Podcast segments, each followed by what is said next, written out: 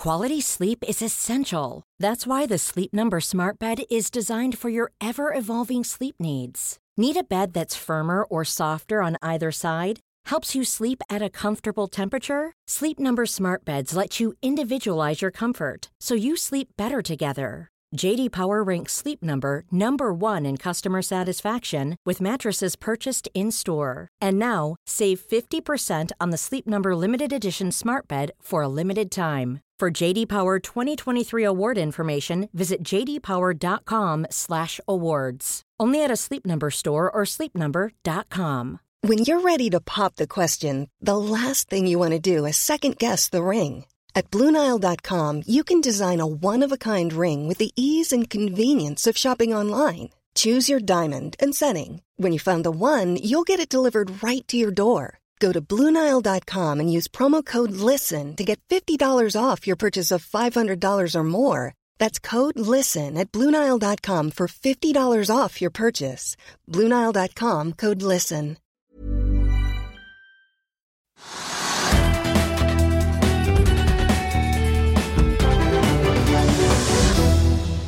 Velkommen til Økonominyhetene. Det er blitt fredag 5. mai. Investor Sverre Bjerkeli gjorde det svært godt i fjor, men hvordan hadde det gått så langt i år? Og flykter han kanskje snart til Sveits han også? Det får vi kanskje vite litt senere i sendingen. Skattek la fram bedre kvartalstall enn mange hadde ventet i dag. Vi har med oss analytiker Andreas Nygaard i Kepler Chevreux for å høre hva han tenker om selskapet og aksjen nå. Det skal også få være med på en kjøretur i et nytt ladbart råskinn fra McLaren helt til slutt i sendingen.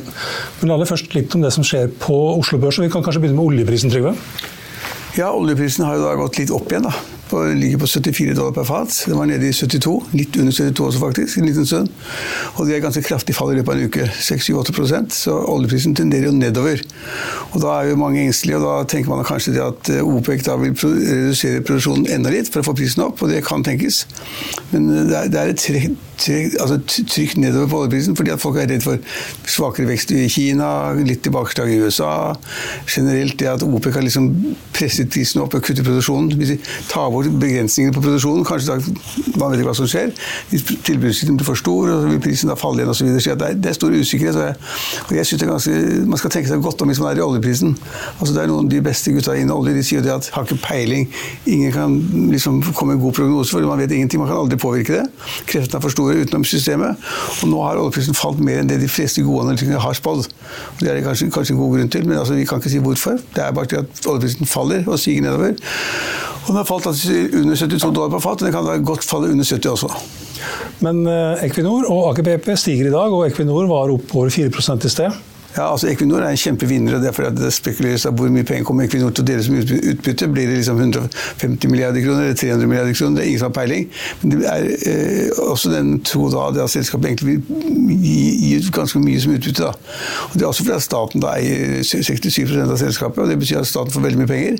Og får direkte inn da, i oljefondet, hvis vi tar ut det som utbytte. slik at staten er en sånn gullhøne som driver roser med, som heter Equinor, og får masse penger til det selskapet. Eh, ikke like bra. Vi kan ta et oppdrettsselskap som er dagens taper, faller 45% nå. Stadtorsk? Stadtorsk. Ja, altså det viser bare hvor vanskelig det er å være i oppdrett. ikke sant? Liksom, for først er det da klima i vannet, og så er det da temperaturen i vannet, og så er det da uh, sykdommer som man skal finne og ikke finne, og så er det da ja, det altfor mange usikkerhetsmomenter. Så jeg skjønner ikke at folk gidder gå inn i oppdrettsselskaper som torsk. Men havet er fullt av torsk, og det fanges opp, og det er liksom ingen begrensninger. hvis Du da er, du kan fange hva du vil, på å si, innenfor de kvotene Norge har. Så det er for meg helt ubegripelig at folk tar den risken, men det er veldig gøy, selvfølgelig. Man sett at det er kjempesuksess med laks og ørret. Da er det klart at noen tenker at vi kan gjøre det samme innen torsk. Og så setter man i gang med det, krever masse penger, skal bygge merder, man skal ha systemer for transport og videreforedling, og det er masse rart man skal gjøre. Og så får man midt i fleisen får man kanskje et dårlig resultat fordi det er en, en eller annen form for sykdom som har rammet fiskestammen. Og så må man skrive ned de verdiene, og så må man da kanskje gå til markedet og fortelle. Det liker man ikke, og nå har da selskapet da utsatt rapporteringen på første kvartal fordi det sannsynligvis går kjempedårlig. Og da er kursen ned 50 i dag. 50 på én dag. Biomasseproblemer også, sier de. Ja, 50 til noe. Vi kan eh, ta med hvordan det står til på litt hvordan det står til på børsen i Europa. Der er det stort sett opp over hele linja. Opp 0,4 i London, 0,8% i Frankfurt, 0,5% i Paris, opp 1,5% i Milano, mm, opp 0,5% i Madrid, og Stock 600 er da opp 0,4 Futures på børsene i New York peker også oppover. Ligger an til at Dow Jones åpner opp 0,5% SMP 500 ser ut til å åpne opp 0,7% og Det samme også for eh, Nasdaq. Før vi går videre, så vil jeg bare minne om at hvis du ikke rekker å se denne sendingen, så kan du også høre den ved å søke opp Økonominyhetene på Spotify, Apple og finansavisen.no. slash podcast. Vi kan også kanskje si litt om Norwegian, Trygve. Eh, stiger 5,5 nå? Ja, og det er det kanskje god grunn til. fordi at eh, De kom med nye trafikktall for april. De var veldig gode, bedre forventet. Eh, og så har de da et mye, mye bedre belegg enn forventet. Og så sier selskapets ledelse at liksom, dette kommer til å gå veldig bra, vi kommer til å tjene mye penger, og, og, og vi har kontroll med likviditeten, og de har sannsynligvis noen fly i reserve som de kan sette inn. Så egentlig er alt godt i selskapet akkurat nå, og det, det er ikke så rart at det stiger noen prosent. Det er ikke så rart. Og da sier han, ja, han sier også, For å presisere så sier også toppledelsen sier at de kommer, de kommer til i sommer og da, Det blir altså, tidenes sommer? Det blir tidenes sommer, hvis du tenker på antall passasjerer. tenker jeg. Om det er inntjening det belegget, det tør jeg ikke si, men han sier at det blir tidenes sommer. Og når en toppleder sier det, da må han levere. Hvis det blir dårlig som regn og få som reiser, så er det verre. Men nå, nordmenn reiser jo masse. Hvis du reiste forrige helg også. Det er fulle fly. altså Jeg reiste med Norwegian, helt stappa fullt.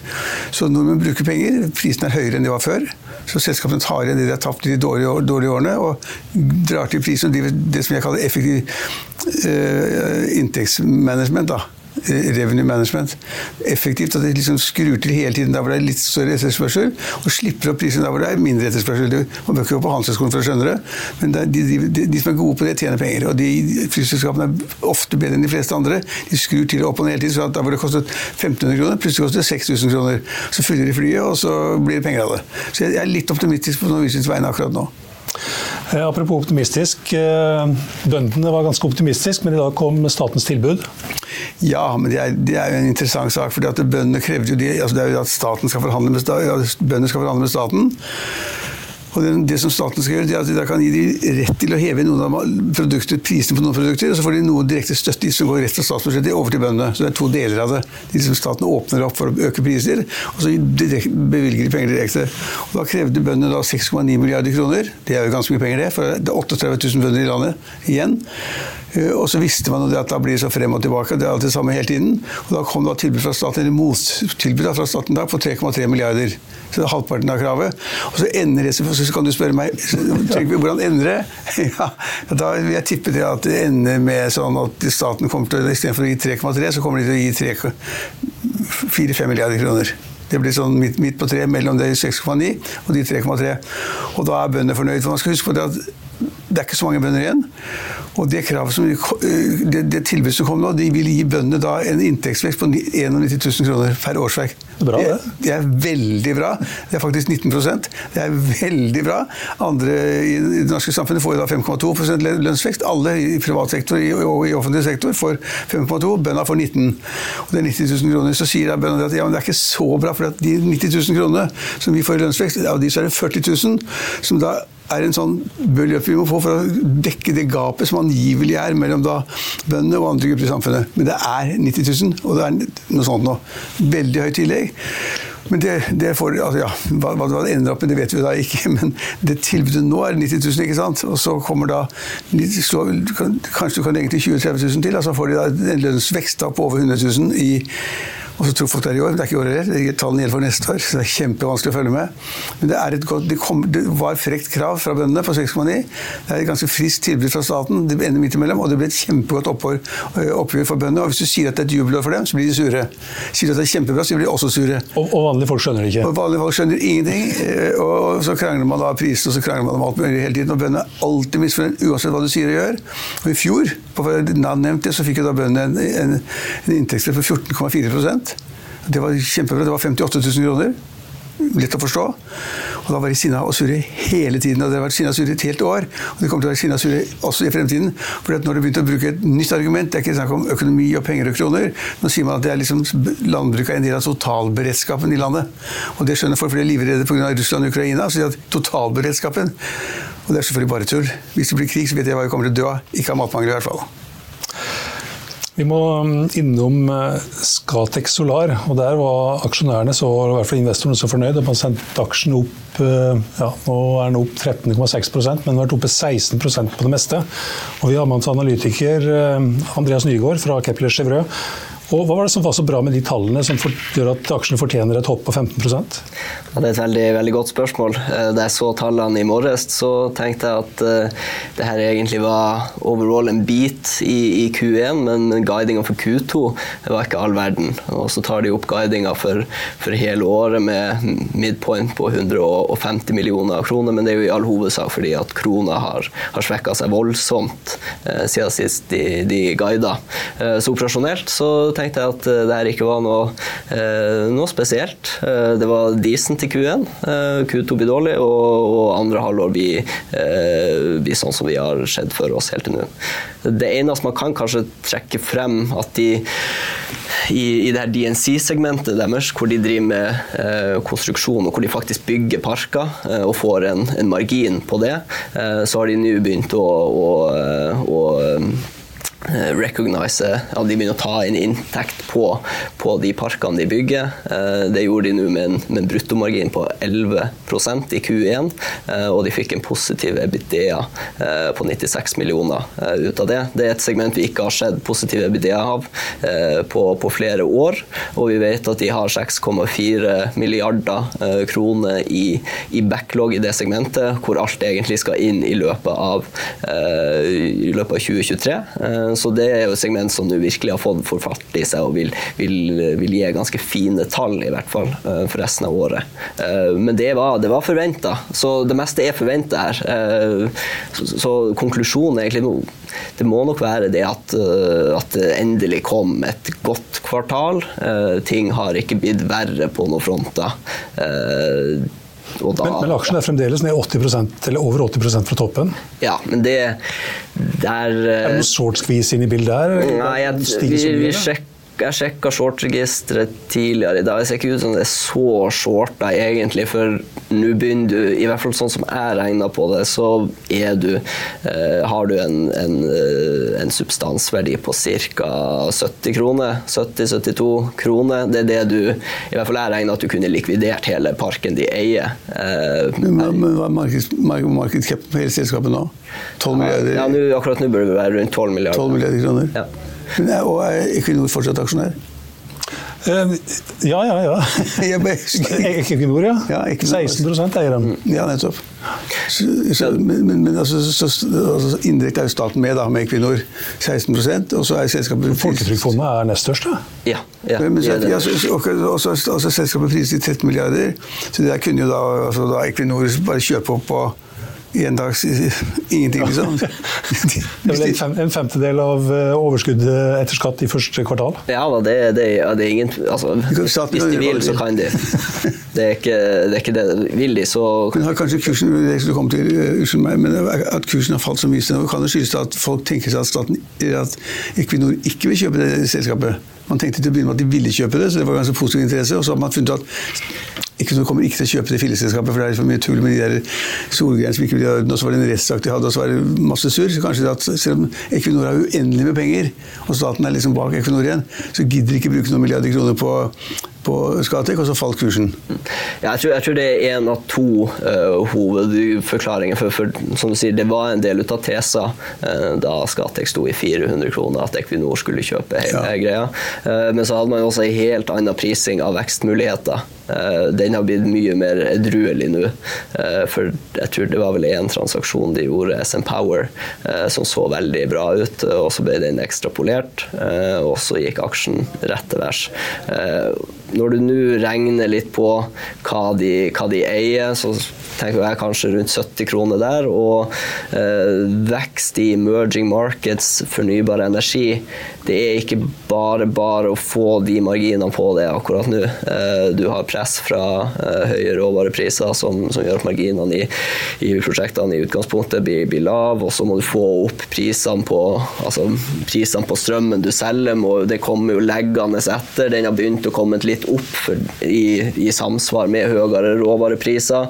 Eh, så håper man kanskje at eh, man ser lavere råvarepriser, men vedvarende høye strømpriser. At man kan finne litt av lomma der hvor du kan få ganske bra avkastning på, på nye prosjekter. Eh, men, men skal, du først, skal, du opp på 400 kroner igjen, så er det enorme investeringer som skal til. Hva er anbefalingen din da? Nei, Vi vi er kjøpere. Det har vi, har vi vært siden februar. Og kursmålet det er? Eh, tett oppunder opp under 100. Så, okay. Men hva er, hva er price-earning på selskapet i dag? Hva sa hva, hva er, og den er jo vanskelig fordi eh, Hva er den i dag, hvis du forventet innen inntil ni år neste år? Har jeg ikke i hodet. Det er, det, det er skyhøyt. Ja, Det er 2030. Ja, det, var det, var jo underskudd på bunnlinja i første kvartal. Ja, ja, ja. ja det var 98 i minus. Så justerer du for litt uh, one-offs, og sånn, så kommer du fort til 200 i minus. Men det er ikke det som er, er den lange storyen i Skatek. Den lange storyen i Skatek er jo at du nå har noen investeringer fremover som forhåpentligvis skal være, uh, skal være lønnsomme, lønnsomme og, og, verdiskapende, ikke minst. Du må dekke avkastningskravet ditt og litt til for å få fart på kursen. Men hvis du tar bort, uh, hvis du tar bort de, altså planene deres om å investere, og du bare uh, investerer det de nå har i backloggen, så ser du på en 13% earningsyield innen 2026. Ah, ja, og da er det ikke så ille. Ja, men 26 er langt frem, da. Ja, men det er litt sånn, du, du må jo regne på det. Og så har du jo, har du jo denne gilden i, eh, i 20 år videre, og du er ganske godt inflasjonsbeskytta, du er ganske godt eh, valutabeskytta. Eh, du er hedga i, i, alle bauger. Eh, men blir ikke vindkraft og solkraft stadig billigere for tiden? konkurrentstrømmen, liksom? Blir, blir ikke, er ikke inntrykk at alle snakker om at Og der er jo kjerna til hvorfor, hvorfor, den har vært, og hvorfor man har tatt ned vekstforventningen. Fordi at det er vanskeligere og vanskeligere å, å skape lønnsomhet. Altså Lønnsomhet får du jo, men at, at, det er verdiskapende. altså at Du dekker avkastningskravet ditt. Uh, og det er jo der man, uh, de lærde strides akkurat nå, hvor lønnsom skal denne veksten være. Jeg tror at vekstmulighetene er så store, Skatek er så etablert i de markedene de skal vokse i fremover, at de blir å klare å skape lønnsomhet. I hvert fall ikke ødelegge verdi. Så jeg ser ingen grunn til at aksjen skal handle under uh, net asset value, som vi, vi, kaller det. Og den mener jeg er på rundt 70 kroner. Og nå er vi jo endelig i pluss, da. Var jo i, minus i går. Du, du, du, er sikkert ekspert på oss to også, det kom en tall i går. Ottovo? Nei, jeg er ingen, jeg er ingen, jeg er ingen de, De driver også med sånne kraftproduksjon fra sånne solcellepaneler. Ja, ja. Alle sier at det går så fantastisk bra, og omsetningen øker hele tiden, og det er så fantastisk flinke, og ledelsen er topp. Taper penger hele tiden. Ja, tapte, men tapte mindre enn eh, i ja, men, kvartal i fjor, da. Ja, men de taper jo hele tiden penger. Skal man være der, liksom, bare omsetningen og omsetningen øker, alt er så fint, marginene er gode, tror man at det er så bra, så kommer regnskapstallene kommer, så er det minus. Det er for dyrt å legge rørledning, det er sånne elektrikere og skru fast sånne paneler. Og, jeg vet ikke hva, hvorfor, hvorfor, blir det minus? Ja, må jeg si det. Ja, ja. Det, litt, det koster mer å produsere strøm enn man kanskje trodde. Det investeres. Det investeres. Ja. Ja. Tusen takk for at du var med oss, Andreas. Da skal vi uh, ta en kort pause, så er vi straks tilbake med investor Sverre Bjerkeli. Vil du bli oppdatert på det viktigste som har skjedd innen finans og næringsliv? Da er det bare å følge med, for hver morgen er jeg, Marius Lorentzen og aksjekommentator Karl Johan Malnes på plass i studio for å ta tempen på dagens marked i Børsmorgen. Og hver ettermiddag oppsummerer vi alt du trenger å vite i økonominyhetene, og det blir selvfølgelig masse interessante gjester. Klikk deg inn på fa.no-tv, eller søk opp Børsmorgen og Økonominyhetene der du hører på podkast.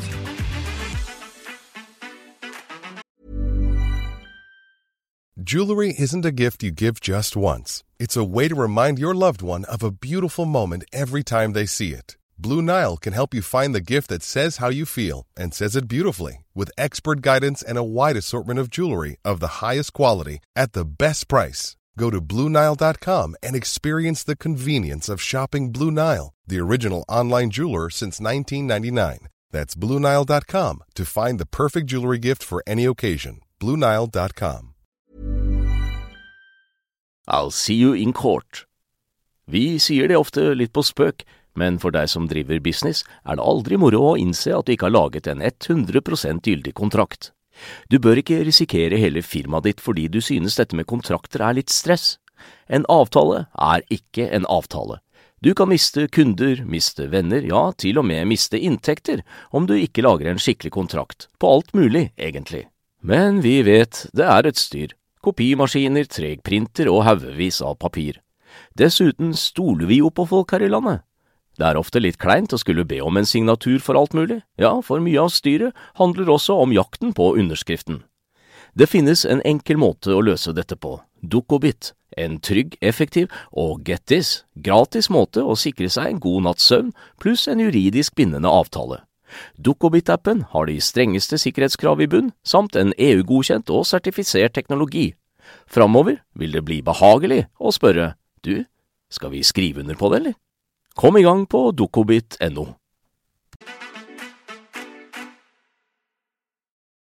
Da har vi med oss eh, investor Sverre Bjerkeli. Eh, og velkommen. Takk. Hvor mye har du i aksjer, og hvor mye har du i cash nå? Jeg har 100 eh, i aksjer.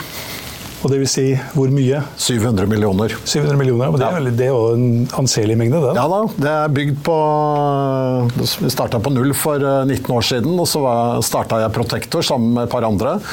Og den formuen er jo hovedsak bygd på verdiutviklingen i Protector da, i, de, i 18 år. Og så starta jeg jo investeringsselskapet for alvor da, for uh, halvannet år siden. Hvaler Invest? Hvaler Invest. Ja. Ja, Moderen, det, vet du. Ja, Men du har fortsatt masse interesser i Prosektor? Ja da, jeg er stor eier i ja, Protektor. Ja, så du er stor eier der. Og så sier, er du, fordi du er flinkere enn de andre, så kan du lettere eller bedre enn andre si hvilken kursutvikling man får. Ja, jeg kaller meg jo analyst trainee, så jeg har ja. mot fire ordentlige analytikere. Jeg går i læra, men jeg anser meg sjøl til å være best. Ja, i, hvert fall for i Prosektor. På Protektor, ja. ikke på noe annet. Nei, det er morsomt. Han er leder i selskapet og eid det, ikke sant? og så er han best på det. Ja, ja det er fint. Det er en god, god oppskrift. God, god, god forretningsidé, det. Ja. er jo det. Det gikk uh, veldig bra i fjor. Ja, 44% avkastning. Ja, og det, det, er ikke, det, er vanskelig å få noe særlig bedre enn det, vel? Ja, vi får prøve, da. Hvordan, hvordan, ser det ut så langt i år? Ja, det er Bra timing på spørsmålet. da, for På torsdag kveld så, så det fantastisk bra ut. Og på fredag kveld så så det mye dårligere ut. Ja. En av de største investeringene jeg hadde, den datt jo øh, 22% på fredag. Ja, og er, Vi snakker om B3H Consulting, ikke sant? Ja, det er riktig. Men, ja, det er riktig. Og jeg kommenterer gjerne det, men, men, du kan si at svaret på spørsmålet er at uh, tertialregnskapet mitt er avlagt. Styremøtet i familien er avholdt. Og vi har 90 millioner i overskudd i første tertial etter at fredagen er telt med. Så vi har små 20% avkastning. Og da skjønner du at uh, hvis jeg har 700 millioner i, uh, i, kapital, så har jeg en viss gjeldsfinansiering inni det. Så jeg girer opp porteføljen en del. All in. Uh, ja, hvorfor, hvorfor, hvorfor, gjør du det? Hva da? Hvorfor girer du opp porteføljen? Det er enkelte aksjer jeg har lyst til å kjøpe før jeg har lyst til å selge andre. Så jeg har en, det jeg vil kalle en temporær giring.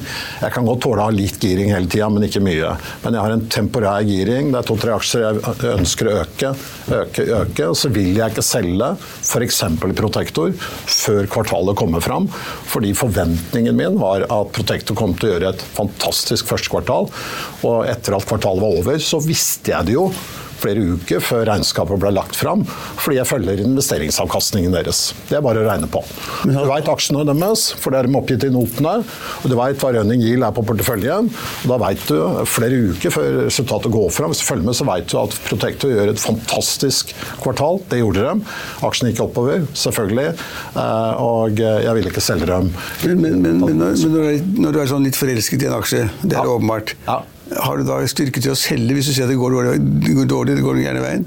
Ja, Det kommer an på årsakene til at det eventuelt går dårlig. Da. Svaret på spørsmålet er jo ja. Det er klart jeg har styrket det det. Ja. Uh, men du har solgt deg ned for i overkant av 5 millioner aksjer ned til 1,8? Nei, 5 millioner aksjer har jeg aldri hatt, da, men jeg har jo vekta meg ned noe i uh, ja, så du, liksom, du, er ikke så forelsket at du klarer å selge aksjer? Nei, men også er jeg forelska i fruen nå, da, så jeg hadde en avtale med henne om at jeg skulle selge noen aksjer på 100 Hvilken kurs var det? 100? 100, ja. 100, ja. Halvannet år siden. Ja. Og nå er den jo 156 pluss at du har fått 12-13-14 kroner i utbytte i samme periode. Så 70 avkastning, da. Da skal du selge litt, da, for å bli tilfreds? Ja, det var en avtale jeg gjorde. Lånte noen penger for å kjøpe. Han, han tror at aksjen skal i 200, vet du. Ja. Ja, nei, altså Det er ikke helt riktig Protektor. Ja. Nei, 238 er kursmålet jeg har på Protektor. Ja, ja. Det er før jeg regna på eh, første kvartalet. Så jeg kommer med ny analyse på Protektor i løpet av noen dager. Og den går nordover fra 238. Men jeg har ikke regna helt ferdig ennå. Eh, Så eh, 238 gamle Hvor ma- hvor kursmål, da blir nytt. Hvor mange aksjer er det i porteføljen din? Jeg, altså jeg har jo aksjer for 700 millioner. Ja, hvor mange? 1,8 millioner Protector-aksjer. Og, og andre selskaper, hvor mange andre selskaper er det? Ja, 1,5 millioner B3-aksjer, og så har jeg Crayon og Webstep, og så har jeg noen lytteposter her og der. Så det er litt, Fire, fire aksjer. litt sånn tech og Nei, jeg- jeg Equinor og Hydro Nei, nei, nei, og. VAR og sånn. Altså, jeg, jeg har vært sjef i forsikring. Jeg investerer i forsikring. Jeg har vært sjef i IT. Skråstrek konsulent. Jeg investerer i det. Jeg har, lagd en bank, Storbrann Bank. Jeg vært sjef i den. Eh, Jeg investerer i bank. Så jeg investerer og Hvaler investerer bare i det jeg har vært administrerende direktør i. Det du kan. Det jeg kan. Altså. Høres ut som en god filosofi, da. Ja, det er bra strategi, syns jeg. og det er ikke-.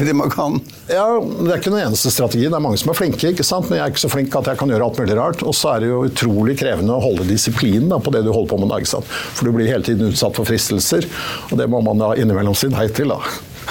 Ikke alltid, selvfølgelig, men jeg, investeringsmessig så er jeg streit. Eh, Da kjører jeg på det jeg kan.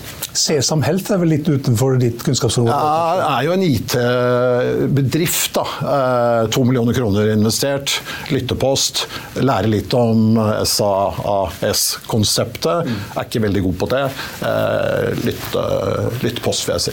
Egentlig. Du, du, du tok ut 6 millioner utbytte i fjor, og, eller året før, på regnskap for året før, og Ja. 20 millioner i fjor. Ja. Hvor mye går bort i skatt? Nei, det veit jeg ikke helt. Eh, Noen millioner. Eh, Så jeg er ikke så veldig opptatt. Det var nok til å kjøpe ny motorsykkel hvis du trenger det. Ja, altså, Jeg kjøper ny motorsykkel når jeg vil, og jeg var i Patagonia og kjørte med brødre og venner nå for noen uker siden. Så 14 dager i Chile og Argentina kan anbefales. for Det er motorsykkels drøm. Det er det. Og, eh, og så må jeg kjøpe litt av det fruen vil òg, da. Hun vil ha en leilighet i Spania, så det har vi gjort. da. Så utbyttet har gått til, eh, til leilighet i Spania.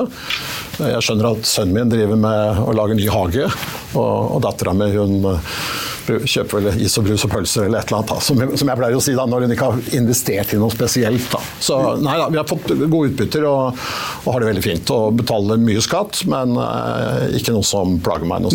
Skattesatsen er jo 37 til noe. 37. Så det blir jo skatt av det. Ja, jeg vet det, skatt. 37 37,84. Ja, det er pluss utbytte og altså, altså nei, utbytteskatten. Men har du, har du stor nominell for- ligningsformue, da? eller? Ja da, den er jo kraftig stigende. er Så da, betaler du formuesskatt, og så må du ta ut penger i utbytte for å betale formuesskatten. Ja da. Ja, Hvor mye skatt må du betale før du flytter til Sveits? Nei, det eh, har jeg vel egentlig ikke noe tall på. ikke sant? Du kan si at For to år siden så syns jeg at uh, ett år siden Sveits Nei, det er uaktuelt. ikke sant? Men, du, men du, du må jo nesten begynne å tenke deg om. ikke sant? For nå, nå går jo skatteregninga rett nordover. Men jeg er jo jeg er liksom født og opp eh, oppvokst og oppdratt i en sosialdemokratisk familie. Da, som mor og far var jo, om ikke æresmedlemmer i Arbeiderpartiet begge to, så var de i hvert fall derfra. Og de stemte jo der hele, hele sitt liv, da, ikke sant. Så vi er jo litt sånn sosialdemokrater. Så jeg har alltid lært at man skal betale sin skatt med sin glede, og det har jeg stort sett gjort opp gjennom åra. Jeg syns det er Men nå skurrer det. jeg syns samla eierbeskatning er for stor. Ja. Det syns jeg, men eh, Den er på 51% ja, Formuesskatt pluss utbytte for å ta penger, så er det 51 jeg er klar over det. Det. Vi var på tredjeplass, var vi ikke det, i, eh, i Europa, og blant de høyeste, eller kanskje høyest på, mens, mens Du vet, du vet Sosialdemokratene og sosialistene de tror at det er 1,1% Det er formuesskatten over 20 millioner. 1,1. De har ikke skjønt koblingen til utbytteskatten, ikke sant? så de skjønner jo ikke. Nei da, det blir jo over De gjør 50, da, ikke sant. Eh, Det, det blir jo det. Jeg syns jo 50 er nok, da, i og for seg. Så man må begynne å tenke over det. Jeg syns det er trist, det som foregår i Norge, egentlig. At vi sender for mange gode folk ut av landet. Det er, er ikke bra. Nå flykter jo vanlige folk, gjør ikke det? Ja Hva er, vanlige folk? Bare 50 millioner. Men, eh, men, men så langt, altså, vi, vi kommer ikke til å gjøre noe, noe sånn, det gidder vi ikke. Men, eh, men hva neste generasjon gjør, det, det veit jeg ikke. Altså. Ikke sant? jeg håper jo at eh, vi får eh, regimeendring eh, i landet, at vi får en ny regjering på neste stortingsvalg. at, at uh, bedre krefter kommer inn, da. ikke sant? Mm, ja. jeg, jeg, har stemt Arbeiderpartiet også, opp gjennom åra. Når Jens var der, så var det jo en del fornuft ute og gikk, ikke sant. Men, uh, det har blitt litt for mye på premissene av SV og Senterpartiet. Da. Hvis vi er kanskje ikke her for å ha en politisk diskusjon, da. Men får jeg lov å si noe bedre, eller som falt så jævlig på fredag? Ja, vi var, må snakke litt om hva som skjedde i B3. Ja, det var altså, Jeg er styreleder i et svensk IT-konsulentselskap som heter Betre. Eh, svensk Betre Consulting Group. Eh, og har vært det i to år. Aksjen har gått fra 50 til 200 på to år. Det er bra. Og dette var jo da på torsdag min største investering. Nå er det Protektor. Og aksjen falt 22 eh, på fredag på gode kvartalstall. 16% vekst, 13% EBIT. Høyeste EPS i historien første kvartalet. Kjempegode tall. Litt usikkerhet omkring markedet, er det mange som mener. Og, og kommuniserer jo ærlig på det, at det er ikke dødssikkert hvordan markedet utvikler seg, men det er knalltall. Eh, og eh, selskapet har jo kommunisert treårsmål fram mot 2025, som er helt konkret plassert. Selskapet ligger foran planen i forhold til de tre årene etter dette første kvartal. Jeg vil si godt foran. Ned 22% Jeg kunne satt 100 igjen i odds på at det ikke kom til å skje. Da, altså, aksjemarkedet. Da, da er det liksom lemenflokken som går utenfor. ikke sant? Det er, det er ikke sauer som er i markedet, det er jo lemen. Det er det dere er. Men Trygve spør hva er forklaringen? Ja, Nei, det prøver vi å finne, øh, finne litt ut av. Man må prøve å reflektere og tenke over det litt. Det er, det, altså, noen oppfatter jo da kommunikasjonen fra selskapet til å være litt sånn usikker med tanke på framtida. Ja, men det er lov å være litt usikker om framtida. Det må jo være greit, da. Men, men jeg syns kommunikasjonen var relativt balansert. Så alt var bra, men kursen gikk ned? Kommunikasjonen var liksom litt Man kunne tolke kommunikasjonen i forskjellige retninger, og så kommer det noen da, som skal selge noen aksjer, og så har du ikke en saueflokk, men en lemenflokk som henger seg på, og så stuper det. Etter det har du til og med gått enda mer ned. Ja, den er ned 30% fra toppen? Helt riktig. 30 eh, ned i dag. I don't really get it, altså. Det er uh, tull. Dagen etter så kommer Pareto som analyse og sier uh, this is unjustified. Uh, caset er intakt. Løp og kjøp. Kursmål 240. Men hva, hva, hva? Abbe Sundal Collier kom dagen etter. Analyse. case intakt. Eh, intervall 160-220. Løp og kjøp. og markedet fortsetter nedover. Hvor, ja, men hvor stort var volumet i salget? Altså, var, det, ah. var det lite volum, så spiller det ingen rolle. Er det stort? men dette er jo ikke et veldig likvid selskap. Nei, nei, det... Så det, det, var ikke kjempelite volum. Det var litt mer enn gjennomsnittlig. Eh, det var det. Noen er nervøse. Dundrer ut. Og da sier jeg til broren min Kjøp. i Nord-Norge, eller på Lørenskog, eller hvor han befinner seg akkurat nå. Jeg har tre stykker av dem. Ja, må dere kjøpe, da. Ikke sant? og, de skal, de skal, redde deg? altså? De skal kjøpe, kjøpe, kjøpe for å dra av kursen for deg? Det er omtanke for brødrene mine. Vil at de skal tjene penger. Så ja, men nå kommer da, Kari, nå må dere kjøpe litt grann aksjer. Storebroren min kjøper jo ikke aksjer. Nei, han vil ikke det, vet du. Det, er skumle ting. Men jeg, jeg snakka med henne her om dagen, så sa jeg at nå, Roar, nå må du ta noe nå. Men, men, kona di, da? Er hun god på andre aksjer også, eller? Nei, hun bryr seg ikke om aksjer. Hun har eh, mer omsorgsgen. Hun er mer barnevern, eh, barnevernsutdannet og tar, tar vare på, på, dette. Så hun jobber frivillig for en eh, Kongo-familie med fem barn. De skal vi spise middag med på søndag, så det, det blir hyggelig. Apropos barn, har du ansatt uh, sønnen din i Hvaler Invest? Ja, nå har vi fått en ordentlig analytiker på plass. David begynte for et par dager siden. Mm. Så nå endelig blir det litt orden i huset, tenker jeg. Nå er forventningen om at det skal begynne å gå litt bedre snart. Men, men tilbake, Det er masse morsomt å snakke om her. Motorsykkel og Patagonia, ja. Eh, er det bedre enn Helgelandskysten? Ah, ja, det er vanskelig, ikke sant. Altså, eh, altså jeg tror en bikers drøm er Patagonia. Det er Chile og Argentina. og Det er fjell og sjø og hav og kaldt og varmt og elver og opp til vulkanen og, og, og, og, skoger av forskjellig karakter. Det er altså Alle, alle motorsykkelfolk som har råd til det, burde dra til Patagonia. Helgeland er jo fantastisk. ikke sant? Havet er fullt av fisk. Eh, er 1030 meter rett opp. Malin ute på Klokkegården serverer den beste kveitemiddagen i Norge. Eh, eller seigryte. Eh, det er et av de nyligste havnene i, på Helge, Helgelandskysten. Det er Malin som kjører, ikke sant. Så Helgeland er, eh, er utrolig vakkert. Lucerne er et ganske godt utgangspunkt for motorsykkelturer? ikke det? Hva sier du? Lucerne er vel også et ganske godt utgangspunkt for motorsykkelturer? Ja, det veit jeg ikke. Jeg har ikke vært i Lucerne. eh, Men, men jeg har stor respekt for at, at altså Jens Rugseth var på TV her om dagen. Da. Jeg har stor respekt for at Rune Syversen og Jens Rugseth at de flytter til Sveits. De har bygd Playon fra null til det de er i dag. Og der er du stor aksjonær? Der har jeg kjøpt nå en million aksjer eller drøyt det for, eh, for noen uker siden. Det var en av de aksjene som gjorde at jeg tok opp litt mer lån. For at jeg må kjøpe Crayon. Altså vil jeg ikke selge noe foreløpig, og så kjøper jeg Crayon på dette. Og jeg, jeg traff jo Rune Syversen i markedet for 20 år siden når de starta Crayon. For da var jo jeg administrerende direktør i Eterra Norge og Ementor Norge. De var jo konkurrenter, ikke sant. Uh, og og jeg var jo, hadde jo Norge, og det produktet de holdt på med, var liksom borti et hjørne. Men det kom noen fra det selskapet jeg var sjef i, da, sa at nå er det noen som driver og plager oss i, i Microsoft lisensadministrasjonsmarkedet.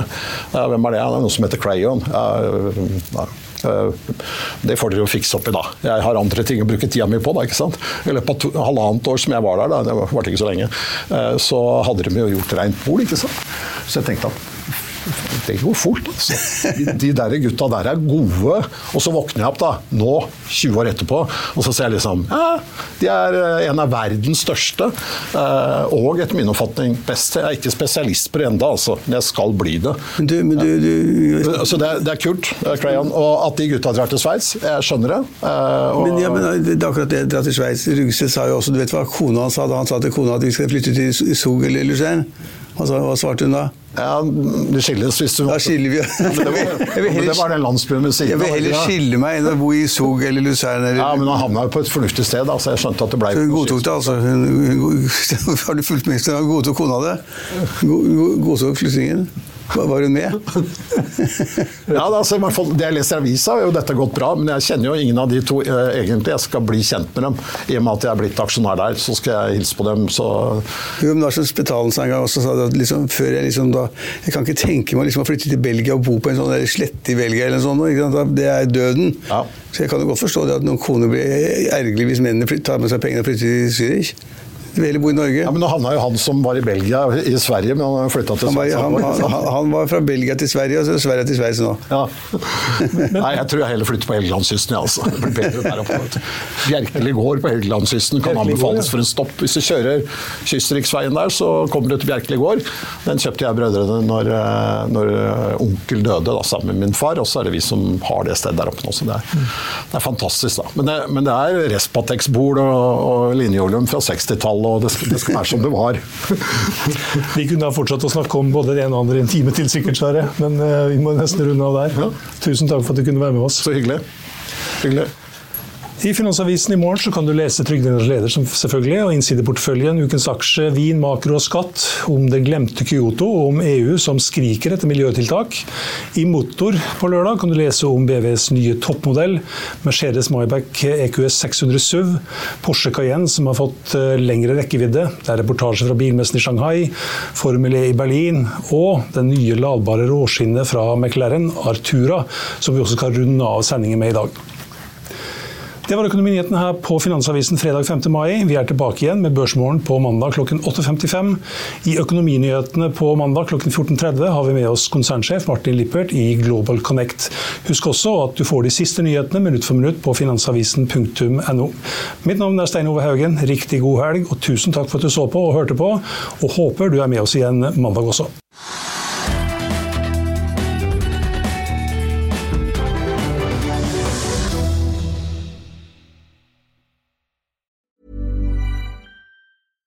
Small details are big surfaces. Tight corners are odd shapes.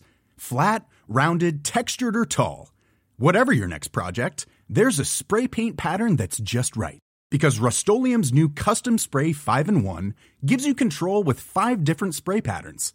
So you can tackle nooks, crannies, edges, and curves without worrying about drips, runs, uneven coverage, or anything else. Custom Spray 5 in 1. Only from Rust-Oleum.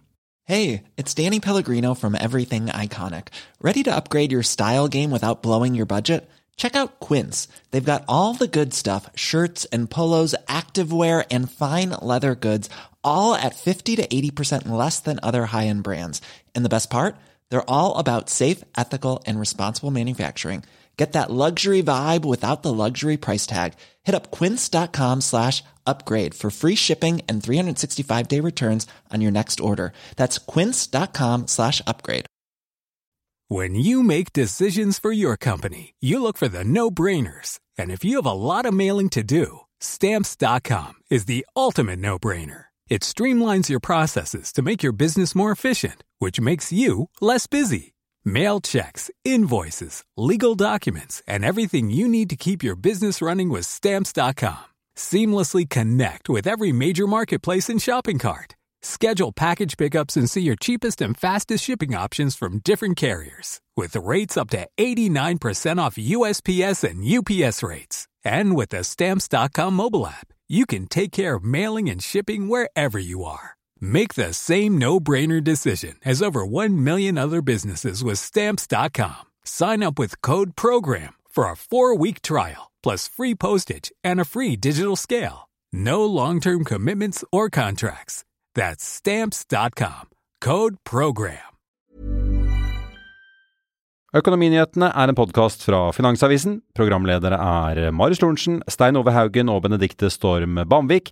Produsenter er Lars Brenden Skram og Bashar Johar. Og ansvarlig redaktør er Trygve Hegnar.